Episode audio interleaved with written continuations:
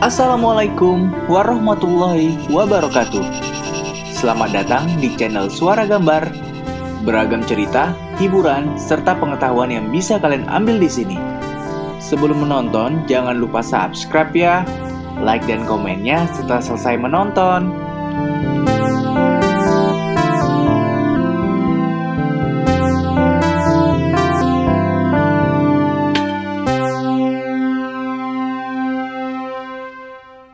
Kak Angga mau membaca buku yang berjudul 31 Cerita Bada Isa 1. Yang kelima, Istana Kaca. Nabi Sulaiman alaihissalam sedang bersama bala tentaranya. Mereka terdiri dari manusia dan jin. Hari itu, Nabi Sulaiman mengetahui bahwa Ratu Bilqis dari negeri Sabah akan datang. Siapa di antara kalian yang bisa memindahkan istana Ratu Bilqis ke sini sebelum Ratu Bilqis tiba?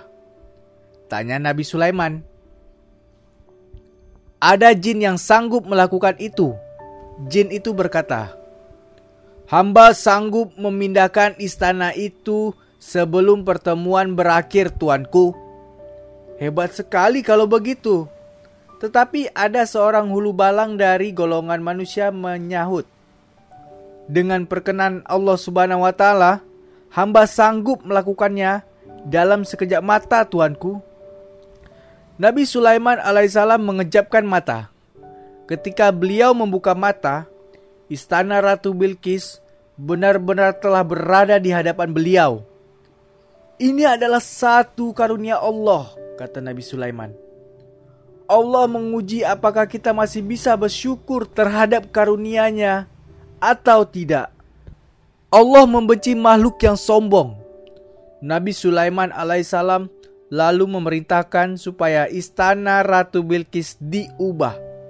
Diberi hiasan-hiasan yang indah sehingga menjadi lebih megah daripada aslinya. Tidak lama kemudian, datanglah Ratu Bilqis dan hulu balangnya. Ratu Bilqis terkejut melihat istananya berada di negeri Nabi Sulaiman. Apakah istana Anda seperti ini? Tanya Nabi Sulaiman alaihissalam. Tampaknya iya, persis sekali. Tetapi yang ini lebih megah dan lebih indah. Bagaimana istana ini bisa berada di sini? Kebesaran Allah memungkinkan apa saja bisa terjadi. Selain memindahkan istana Ratu Bilqis, Nabi Sulaiman alaihissalam juga telah memerintahkan membangun istana kaca yang indah. Nabi Sulaiman mengajar Ratu Bilqis memasuki istana itu. Ratu Bilqis kagum bukan main menyaksikan istana berkilau-kilauan, memantulkan cahaya matahari menjadi berwarna-warni. Seumur hidupnya belum pernah ia menyaksikan keindahan serupa itu.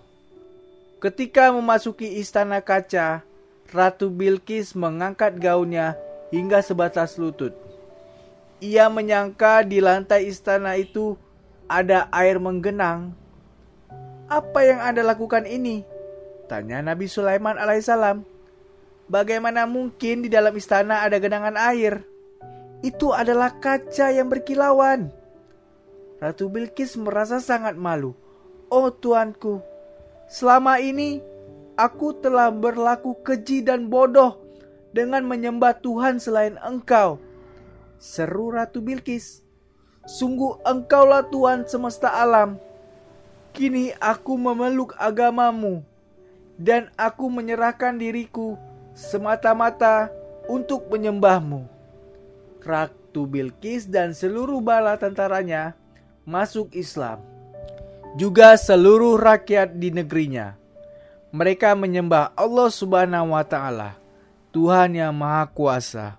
Tiada Tuhan selain Dia. Assalamualaikum warahmatullahi wabarakatuh.